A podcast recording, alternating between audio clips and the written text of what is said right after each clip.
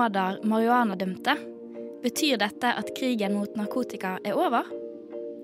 Venezuela er et land med korrupsjon og fattigdom. Hvordan ble det slik? Det er krig i Europa, og den føles nærmere enn noen gang.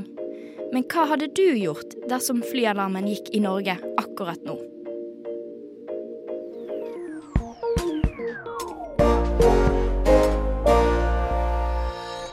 Hei og velkommen til sending her på Opplysningen 99,3 på Radio Nova, hvor du òg skal få høre en liten smakebit på dramaet som skjer om valget i Brasil. Jeg heter Lise eh, Benus, og det er meg som har den heldige oppgaven av å lede deg gjennom denne fine timen med spennende innhold. Og dette slipper jeg å gjøre alene, for med meg inne i studio her har jeg Trym Fjellheim Karlsen. God morgen. Hallo, hallo. Eh, Så har jeg òg Benjamin Nordtømme. God morgen, god morgen. Og Frida Kristine Mogård. God morgen. Åh, det er så fint å være så mange i studio. Jeg syns det er utrolig hyggelig. Det er lenge siden jeg har vært på luften, og det er lenge siden du har vært på luften. Mm. ikke sant, Trym? Det er vel eh, et halvt år? eller Ja, noe? sånt. ja. Og det er veldig koselig å ha deg inn i studio. Eh, så da kan vi ta den klassiske. Hvordan har dere hatt det i dag tidlig? Jeg begynner med Benjamin på min høyre hånd. Jeg sto opp ganske tidlig i dag, eh, for jeg eh, våknet opp av en hund som bjeffet, som skulle ut og tisse. Eh, så da må man, eh, må man gjøre det. Eh, men det var veldig hyggelig, veldig koselig. Jeg var hjemme hos min, eh, mine foreldre. Ja, Så det er dine foreldre sin hund, da? Ja, riktig. Så det var Aurelia som vekket meg denne morgenen. Det var veldig litt, litt, litt uvant å våkne tidlig. Jeg er en sylsover av, av natur og omdømme. Men nei, det var fint. Det var veldig, litt deilig òg. Få litt ser. eh, Det høres ut som verdens beste måte å våkne opp, faktisk. Eh, Du da, Frida? Har du Våknet opp på en like fin måte? Jeg, jeg sov som en baby i natt. Det eneste var at jeg våkna, og så hadde jeg ligget på venstrearmen min. Og så måtte jeg ta sånn, nesten sånn et kvarter, 20 minutter, bare riste den for å få blodet tilbake. Så det var liksom, det satt jo litt stemninga for at eh, det her blir en interessant og, innholdsrik morgen, kan man si. Men Akkurat så det blir en interessant og innholdsrik sending. ja, akkurat. Mm. Og du da, Trym? Nei, jeg har hatt en veldig bra morgen. Eh, rolig. Rolig hadde en god samtale med en veldig hyggelig nabo om hunden. Han hadde en utrolig søt schæfer, så vi gikk tur med den hunden på vei hit. Så det er veldig koselig. Ja, Det er to, to av fire som har eh, hatt en hund involvert eh, i frokosten, holdt jeg på å si. enn du, da, Lise? Å, så fint at du spør meg, Frida. Jeg har hatt en OK minus eh, morgen. Jeg, jeg sto opp en halvtime seinere enn jeg ville, fordi eh, jeg var trøtt. Jeg ville sove. Og så sto jeg opp, og så eh, spurtet jeg hit. holdt jeg på å si. Tok T-banen, men eh, spurtet til T-banen for å komme. Og så trodde jeg at jeg var først, for jeg traff, traff liksom akkurat på klokken ni. Men så går jeg inn, og så ser jeg Trym. Eh, så han, han slo meg i dag. Um, men nå går vi rett og slett litt videre. vi. Nå skal vi høre på litt god Nova-musikk. Du får eh, Juni Habel med sangen 'Chicory'. What did I think when Maduro took power? Well, he's a clown. finne et litt mer, litt mer nyansert språk der. Jeg tror vi bare skal forstå det sånn at dette dreier seg om teknologi. Du hører på Radio Novas samfunns- og aktualitetsmagasin Opplysningen. Hver fredag fra 10 til 11 på Radio Nova.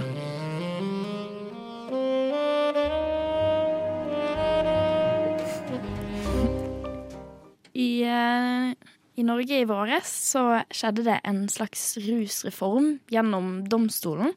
Eh, kan du fortelle litt eh, hva denne gikk ut på, Trym? Ja, jeg tenkte vi kunne ta det litt tilbake til før domstolen, og så kan eh, min partner Benjamin supplere litt med hva som skjedde i våres. Så det var på bordet i fjor en rusreform i Norge som i korte trekk gikk ut på å avkriminalisere en viss mengde av de forskjellige russtoffene, og formålet var at vi skulle fokusere mer på, istedenfor å straffe, spesielt folk som var avhengige, så skulle vi hjelpe dem. Det var for, formålet med denne nye, nye rusreformen, og hovedformålet var avkriminalisering av visse brukerdoser. Altså det, er det er en lang liste på hvor mange gram og hvor mange brukerdoser du kunne ha for hvert, hvert narkotisk stoff, men dette ble da stemt ned. Det gikk ikke gjennom med avkriminalisering av mange, mange ulike grunner, og så gikk Arbeiderpartiet mente at de skulle på en måte gå og lage en ny rusreform, men den har vi ikke sett ennå, fram til nå i våres, da Riksadvokaten Ja, det kan jo du snakke litt om, hva som skjedde i våres, da, den videre fortellingen. Ja, det er jo for så vidt eh, en litt eh, Det er jo en lang historie, det òg, eh, som vi ikke har tid til å ta her på, på, på lufta. Det som egentlig skjer, er jo at eh, rusreformen går ikke gjennom eh, i Stortinget. Den eh, faller. Og Riksadvokaten eh, på en måte snikinnfører den på egen hånd, mer eller mindre. Det dreier seg om at mm, det norske rettsvesenet egentlig ikke har eh, si, ork eller eh, tid og ressurser på de, de, gidder rett og slett ikke å, å straffe folk eh, lenger. Vi oppfordrer nedover i systemet at, altså, til å ikke altså, Til å være veldig, veldig, veldig veldig, veldig eh, forsiktig med å drive og liksom eh, reise påtaler, eh, tiltaler, mot, mot, folk for mindre mengder narkotikabruk. Så det er jo veldig interessant. Det er jo kjempemerkelig. Det er ikke, det er ikke hverdagskost, egentlig, i det norske politiske, juridiske systemet. At man Hva skal vi si? Man innfører noe politikerne har snakket om mye. uten at, altså Politikerne klarer ikke å innføre det. Dermed griper bare si, rettsstaten Norge inn og, og gjør det litt på egen hånd. Spennende greier. Ja. Uh, grunnen til at vi snakker om akkurat dette her, er jo fordi at i USA så har det skjedd noen store forandringer på uh, ruspolitikksiden. Uh, og akkurat dette har vår reporter Benjamin Nordtømme tatt en nærmere titt på. Krigen mot narkotika. Hvor skal man begynne med den? Den er lokal, den er global. Den har vart i flere generasjoner og preger lovverk og holdninger verden over. USA, som verdens største økonomi og supermakt, var landet som under president Richard Nixon ledet an i dette korstoget mot narkotikabruk og den internasjonale narkotikahandelen. I en nå berømt tale fra 1971 brukte Nixon disse ordene. America's public enemy number one in the United States is drug abuse. Slik hadde krigen mot narkotika blott begynt. Det tidlige 70-tallet så utrullingen av lange fengselsstraffer. Ikke bare for handel med narkotiske stoffer, men også bruk og besittelse. Samtlige presidenter, både fra det demokratiske og det republikanske partiet, skulle opprettholde denne nullvisjonen i mange tiår. Is there anyone out there who still isn't clear about what doing drugs does? Okay, last time. This is your brain. This is drugs.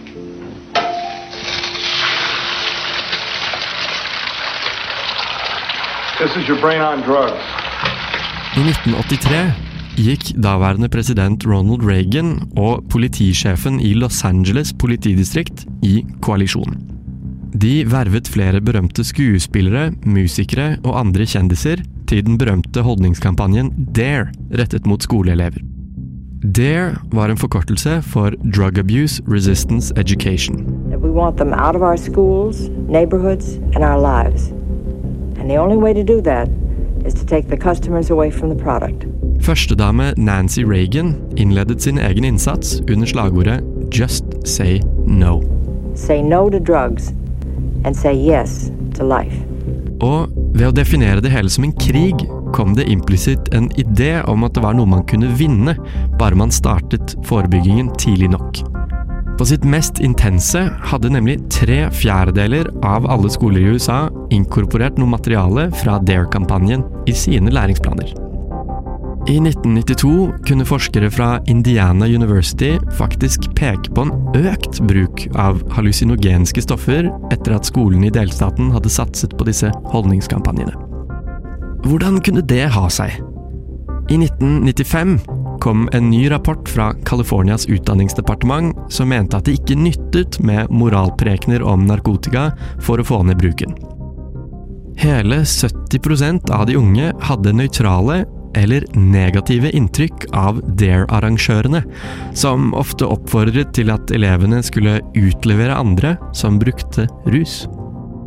Noen forskere mente også at det hadde bidratt til et slags stigma rundt rusbrukere som dårlige mennesker som måtte ekskluderes fra samfunnet. Hvorfor bruker jeg tid på dette? Vel, det kan sies å være en slags avspeiling av et USA som er i endring. Der strenge normer og ideer om narkotikabruk fester dype røtter, men som kommer på kant med forskningen.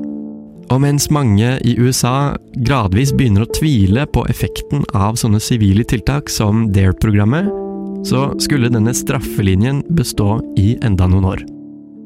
Den er nemlig fortsatt med oss. Eller er den egentlig det? USAs president Joe Biden annonserte den 6. oktober en føderal benådning for alle som har blitt fengslet for bruk og besittelse av marihuana. As I said when I ran for president, no one should be in jail just for using or possessing marijuana. It's already legal in many states, and criminal records for marijuana possession have led to needless barriers to employment, to housing, to educational opportunities. I 19 stater og Washington DC er marihuana, eller cannabis, tillatt for rekreasjonsbruk. I stater som California, Oregon og Colorado så selges cannabis over disk, i regulerte former. I 37 stater er cannabis lovlig på medisinsk grunnlag. Det virker som om USA har tatt et stort sprang vekk fra Nixons erklæring av narkotika som folkefiende nummer én. Fortsatt er det likevel slik at konsekvensene av the war on drugs føles sterkt i mange amerikanske hjem. Justisdepartementets tall viser at ca. 400 000 amerikanere sitter i føderale fengsler for narkotikarelaterte lovbrudd. Majoriteten av disse er svarte og brune amerikanere. Nesten 40% av alle med føderale narkotikadommer er svarte. Det representerer mer enn tregangeren opp fra svartes 12,1 i den samlede befolkningen. Kritikere av Joe Bidens benådning, særlig i hans eget parti, mener presidenten ikke går langt nok. For her er nemlig paradokset. Ikke forvent deg noen store folkevandringer ut av USAs fengsler. Der er det nemlig ingen igjen som sitter fengslet for verken bruk eller besittelse. Kun samlebegrepet trafficking. Benådningen gjelder for de som har sittet inne tidligere, som etter sigende nå hjelpes med bedre tilgang til utdannelse og jobb. Joe Bidens marihuanabenådning representerer det enorme holdningsskiftet USA undergår akkurat nå på narkotikafronten. Det kan synes at Richard Nixons nullvisjon er over. Vi vet ikke riktig ennå hva som kommer til å erstatte den, men mye er i endring i Washington DC. Medvirkende i denne saken var Benjamin Nordtømme. Lyd var hentet fra Richard Nixon Foundation, Partnership for a Drug-Free America og Just Say No. Musikken ble hentet fra Blue Dot Session. Nå skal vi forflytte oss eh, litt lengre sør eh, på kloden. Vi skal til Brasil, der det nettopp har foregått et valg. Og det har gått ganske hett om to personer, eh, mer spesifikt eh, Lula da Silva og Jair eh, Bolsonaros. La oss begynne med å finne ut litt mer om akkurat disse to personene. Så da spør jeg først. Eh, hvem er Lula de Silva? Benjamin? Lula de Silva han er eh, Brasils eh, nye president, eh, etter sigende. Um, Lula de Silva har lang erfaring med eh, Fra hans yngre år så var han aktiv i kampen mot eh, militærdiktaturet som fantes i, eh, i Brasil, i forskjellige former og fasonger. Og han er da eh, Han er da rett og slett en, en eh, sosialist en fagforeningsmann, en sterk stemme på Brasils venstrefløy. Han har da tidligere vært president i, om ikke jeg tar feil, to perioder. Så han gjør da et stort comeback på den brasilianske politiske scenen, rett og slett. Ja. og så da Jair Bolsonaros. hvem er det? Jair eh, Bolsonaro han er en Eh, han er da Lulas rake motstykke, kan du, kan du si. En høyrepopulist. En person som har uh, sterke meninger om Han er utpreget konservativ i sitt sosiale syn. Han har sterke meninger om alt fra homofile til ja, til det meste. Altså, ja. Han er konservativ av en sånn latinamerikansk sort. Så han er svært kristen, og har da sin eh, aller største velgerskare i Brasils eh, evangelistiske miljø. Eh, Brasil ble jo kolonisert av portugiserne, så da var det katolisismen som var rådende lenge. Og så har i senere tid Brasil blitt, i hvert fall deler av det brasilianske samfunnet, blitt religiøse på en annen måte. I da form av evangelistisk, protestantisk ja, ja. eh, doktrine, rett og slett. Mm. Eh, Trym, eh, kan ikke du fortelle oss litt mer om de politiske meningene til disse to personene? Ja, vi kan jo begynne med Lula. Er jo, som Benjamin så fint beskrev, en god gammel sosialist. Og han er en god gammel sosialist av, av den, den 80-tallsformen for sosialisme som fortsatt da trodde litt på den marxistiske økonomien. Det er ofte da at man skal ha den økonomi, økonomien skal gå tilbake til de som har jobbet for at økonomien skal skje. Eh, han har moderert seg en del fordi det, marxisme er upopulært i 2022. Det har vært Ja, det er upopulært både i Latin-Amerika og i Europa, men de tankene har absolutt inspirert han. Gammel fagforeningsmann, så han har, har alltid hatt arbeiderrettigheter i, i blodet og er noe han veldig kjemper for. I tillegg så han, er han veldig troende i den 21. 21. århundresosialismen som han står for, så skal man ha en viss beskyttelse for minoriteter. Og hva den beskyttelsen ligger i, er ikke alltid like klart, men han har tatt en ganske sterk, sterk eh, side for skeive minoriteter, spesielt i dette valget. Og særlig da i motsvar til Bolsonaro, og det leder jo oss til da at Bolsonaro har et ganske negativt syn på deriblant skeive. Han har sagt at han heller skulle ha hatt en død sønn enn en homofil sønn. Og har, off, og har innskrenket rettigheter for både skeive og innskrenket abortrettigheter. Så han har en ganske konservativ politikk der. Det er veldig tradisjonelt, det er veldig familieverdi. Det er veldig mye av det vi ser i, har sett i USA, hvor evangelister i den politiske bas. basen. I tillegg så har han også vært veldig liberal på økonomi, noe som har ført til en del avskoging og en del den type ting. Og han Ja. Mm. Ja, og valget i Brasil eh, var nødt til å gå over til andre omgang. For i første omgang så var det verken eh, Lula eller Balsenaro som klarte å komme seg over 50% av stemmene kravet som trengs for å vinne. Og nå i andre omgang, som skjedde 30. oktober, så vant eh, Lula med 50,9% av stemmene. Det er altså veldig knappe tall. Eh, hva har reaksjonene på at Lula valgt, vant valget vært nasjonalt? Eh, Benjamin? Nasjonalt eh, Naturligvis er jo Lula-tilhengere eh, glad. De har sett på Bolsonaros tid ved eh, presidentskapet som mislykket, som eh, gal retning, som et Brasil de ikke ønsker å, å leve i. Eh, jeg snakker litt i Kanskje jeg overdriver her litt, men det er, det er rett og slett det, det det dreier seg om. Dette valget var en slags eh, test på om Det var en slags sånn, et, et, valg om Bolsonaro. Skal man ha Bolsonaro eller ikke? For det, han var jo sittende, rett og slett.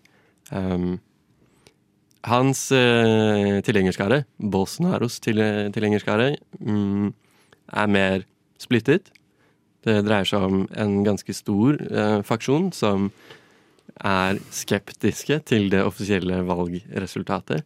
Og hvis vi syns dette minner om noe vi har sett eh, eh i det andre store landet over Atlanteren der, så er ikke det helt eh, søkt å trekke den eh, koblingen der, den slutningen der.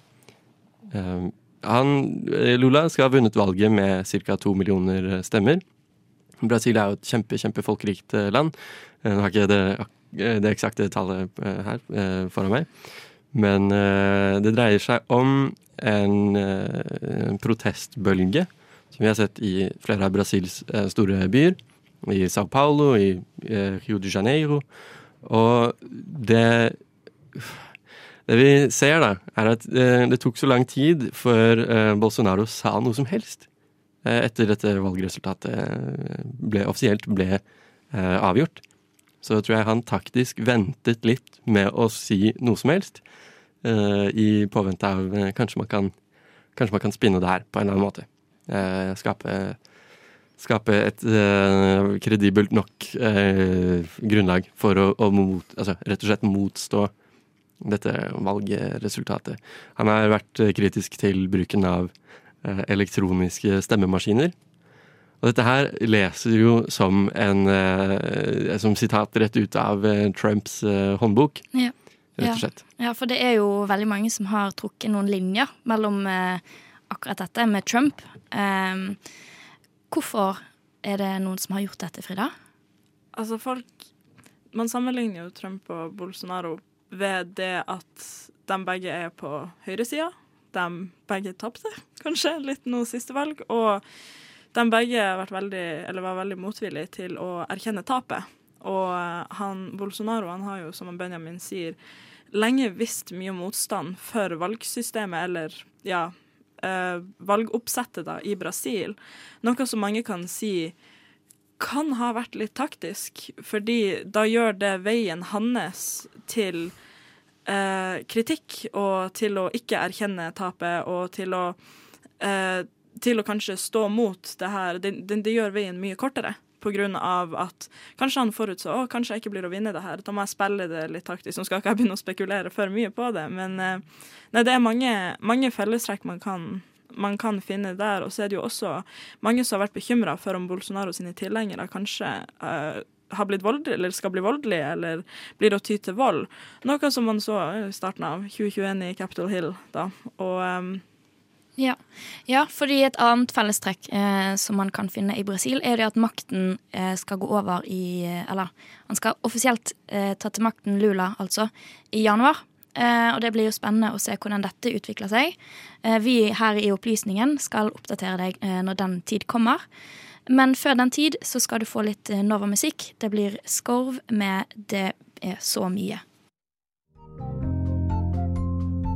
Og det er altså så provoserende at folk tror at vi tuller, men vi gjør ikke det, altså. Dessverre. Opplysningen på Radio Nova. Aldri redd, alltid balansert. Ja, vi eh, holder oss i Sør-Amerika. Litt krøll på tungen her. Eh, Men vi bytter land. Vi flytter oss til Venezuela. For i Venezuela så var det for eh, ikke så altfor lenge siden store opptøyer og eh, mange store protester. Og Utenriksdepartementet de fraråder faktisk fortsatt alle ikke-nødvendige reiser og opphold i Venezuela. Er det noen som husker hva som skjedde der? Ja, det husker jeg. Det husker jeg har sett eh, på dekket i de store mediehusene rundt omkring. Det dreier seg om store, store, store store protester i eh, Venezuela. Eh, Eller for litt eh, tid tilbake. Det er jo i tid og utid alltid protester i Venezuela. Um, Venezuela styres, eh, eller noen vil mene vannstyres, eh, av et eh, hm, Hvordan skal vi si det her? Venezuela er kanskje det landet i verden med høyest inflasjon. Eh, det vil si, økonomien i Venezuela eh, fungerer ikke, eh, mer eller mindre. Det Mm. er rett og slett umulig å vite hva noe koster. Eh, det er litt som, Hvis dere husker fra historietimene, at ikke, ikke sant, i, Weimar-Tyskland, som før, før nazistene kom til makten, så måtte man ha en trillebår med penger for å kjøpe et brød. Det er ca. sånn det fungerer i Venezuela. Mm.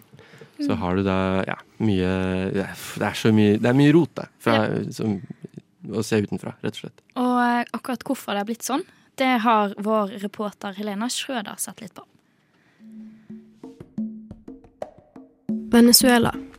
Et land som ligger nord i Sør-Amerika og har en befolkning på nesten 30 millioner mennesker.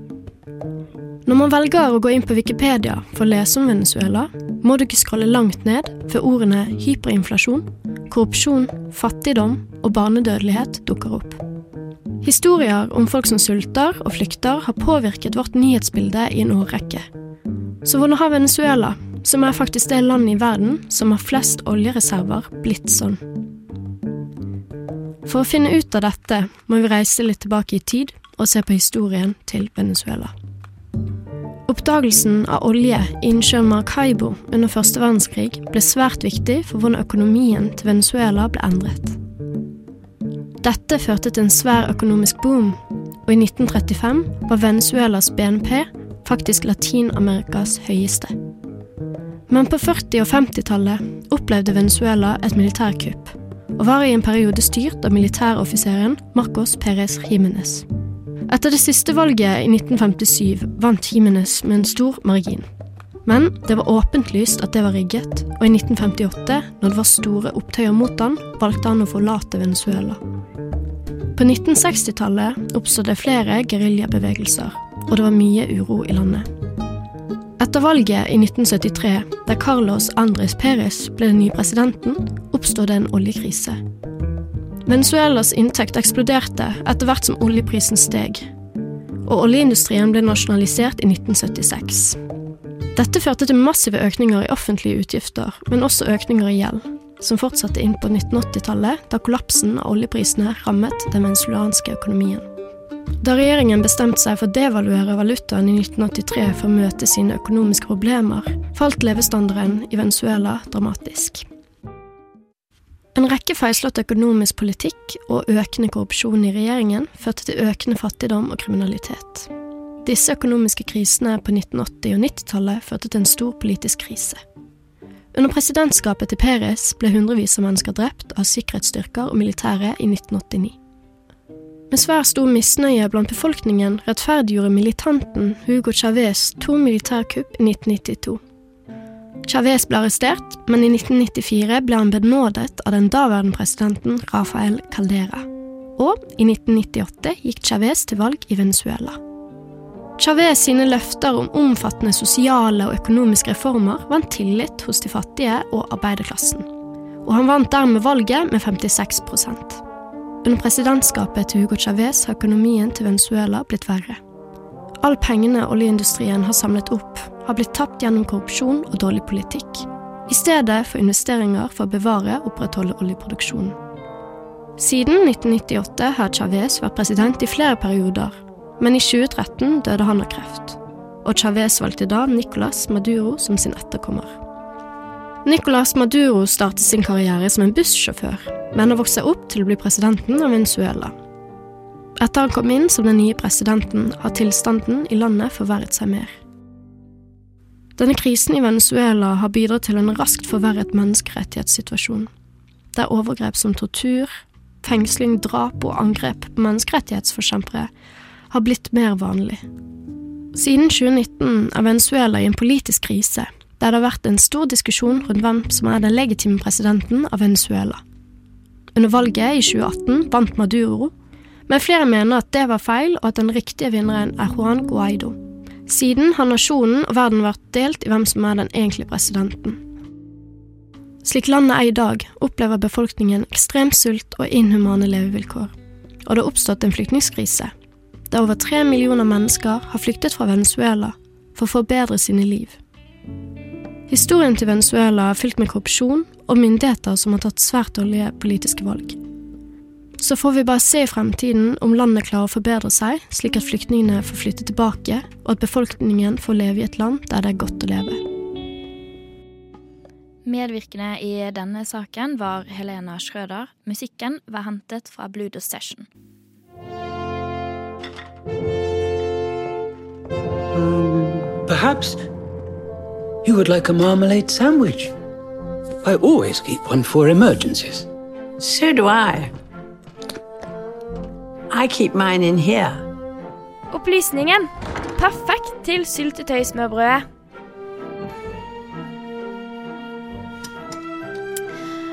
Og med det, Frida, eh, så skal jeg stille deg et helt urelatert spørsmål.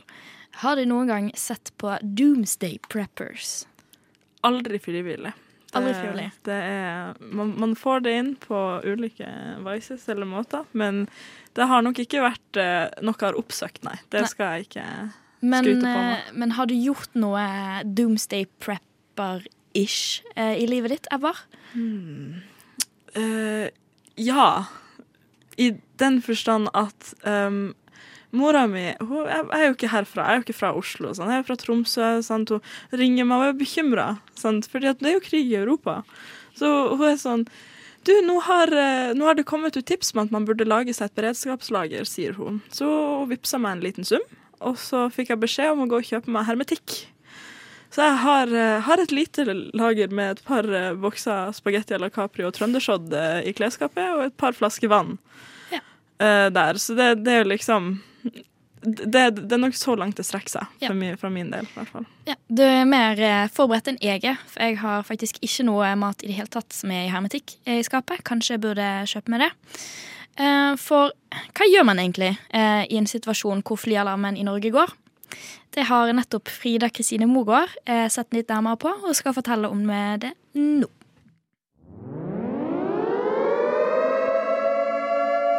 Alarmen går. Du sitter kanskje hjemme i leiligheta med Netflix i bakgrunnen. Eller kanskje du er dypt inne i X-Fil-forelesninga.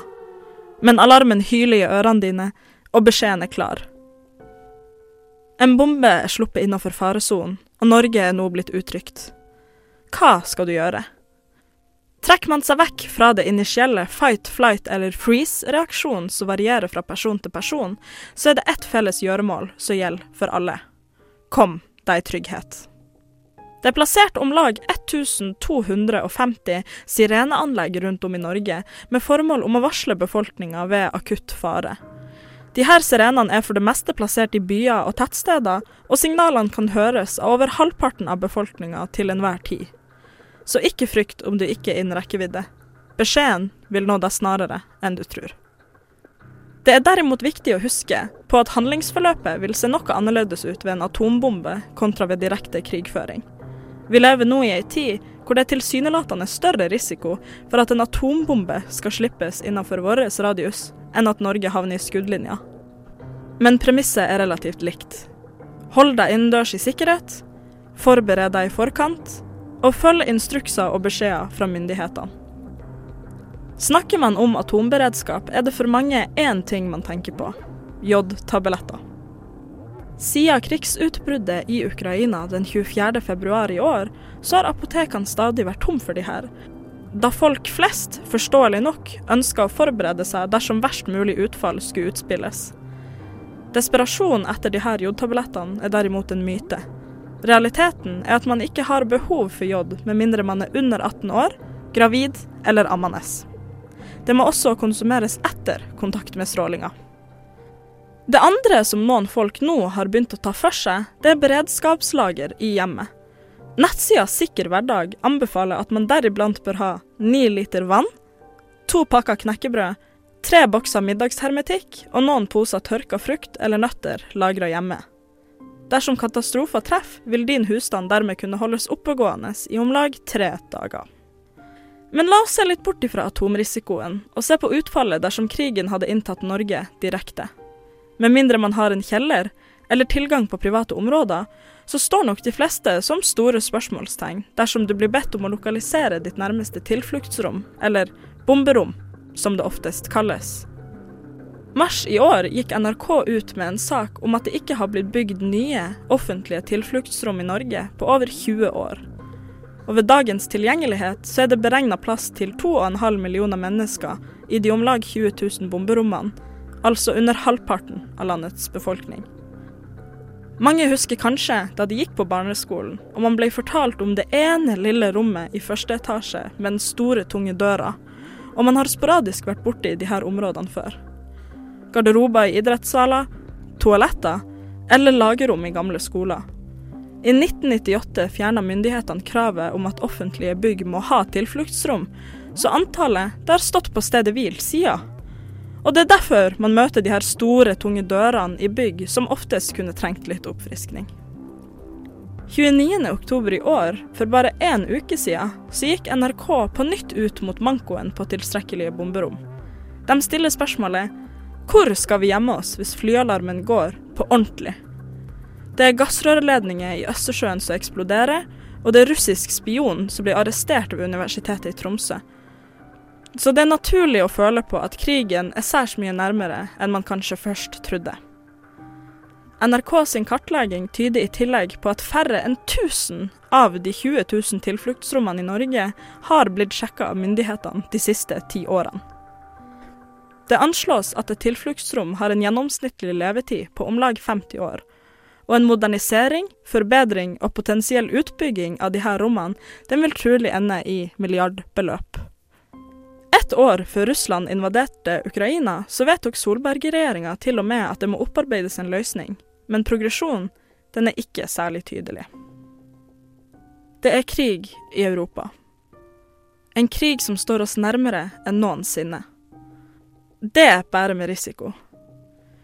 Ved ønsketenking så vil vi i Norge være trygge til krigens ende, og kun måtte se på tragedier på avstand. Men redselen og risikoen vedvarer. Er du usikker på hvor ditt nærmeste tilfluktsrom er, så kan du besøke Sivilforsvaret sine nettsider, hvor de har kart på offentlige tilbud. Vil du være på den sikre sida, så kan du vurdere å kjøpe jodtabletter om du er i målgruppa, og du kan vurdere å fylle opp en vannflaske eller to og legge i klesskapet. Man krysser fingrene og ber for å unngå det. Men plutselig så går alarmen. Og da betyr en halvliter vann og en pakke tørre knekkebrød mye mer enn man først skulle trodd. Medvirkende i denne saken var Frida Kristine Mogård. Musikken ble hentet fra Blue Dot Session. Vi går videre med musikk. Du får My Friend Joe med sangen Fake Nudes. Neimen, Bertil, da! Ja? Har du glemt å høre den siste episoden av Opplysningen på Radio Nova? Har nok det. Men da kan du jo bare høre det som podkast når du vil. Å, det skal jeg jammen meg gjøre! Veldig god stemning i studio, men det er dessverre snart slutt her i Opplysningen 99,3 på Radio Nova. Vi har hatt det veldig fint, eh, og jeg satser på at dere kommer til å ha en finere, fin dag videre. Er det noen som har noen gøye planer? Trym, vi kan begynne med deg. Eh, Jeg skal spise en middag med folk fra kafeen jeg jobber frivillig i morgen, og så kanskje på gangfest her på Nova. Så det tror jeg blir koselig. Ja, Høres veldig fint ut, det. Eh, Frida? Nei, Jeg skal dra og feire bursdagen til min flotte venn Lina, som ja. blir 21. Ja, Shout-out til Line. Ja, Lina? Det er ikke akkurat. Ja. Benjamin, du da? Jeg har en, matte, jeg har en matteinnlevering eh, som plager meg. Ja. Eh, så den skal inn klokka to. Mm. Mm, jeg får noen helgeplaner. Altså, det her er virkelig bursdagsfest og gangfest og matte. Madonna Ja. Nei, jeg skal møte kjæresten til en kompis av kjæresten min eh, i dag. Det gleder jeg meg faktisk veldig til, for han er en veldig hyggelig fyr. Satser på at hun er en veldig hyggelig dame. Eh, med det eh, så kan jeg gå over til eh, at medvirkende i, denne sendingen har vært Frida Kristine Mogard, Benjamin Nortomme og Helena Schrøder. I studio så har jeg hatt med meg Trym Fjellheim Karlsen, god helg. God helg. Jeg har hatt med meg Benjamin Nordtomme, god helg. God helg. Og jeg har hatt med meg Frida Kristine Mogård. God helg. God helg. Ja, god. Mitt navn er Lise Benus. Ønsker deg en fin helg videre. Her på Radio Nova kommer snak straks studentnyhetene, men før det løpesang av baklengs salto.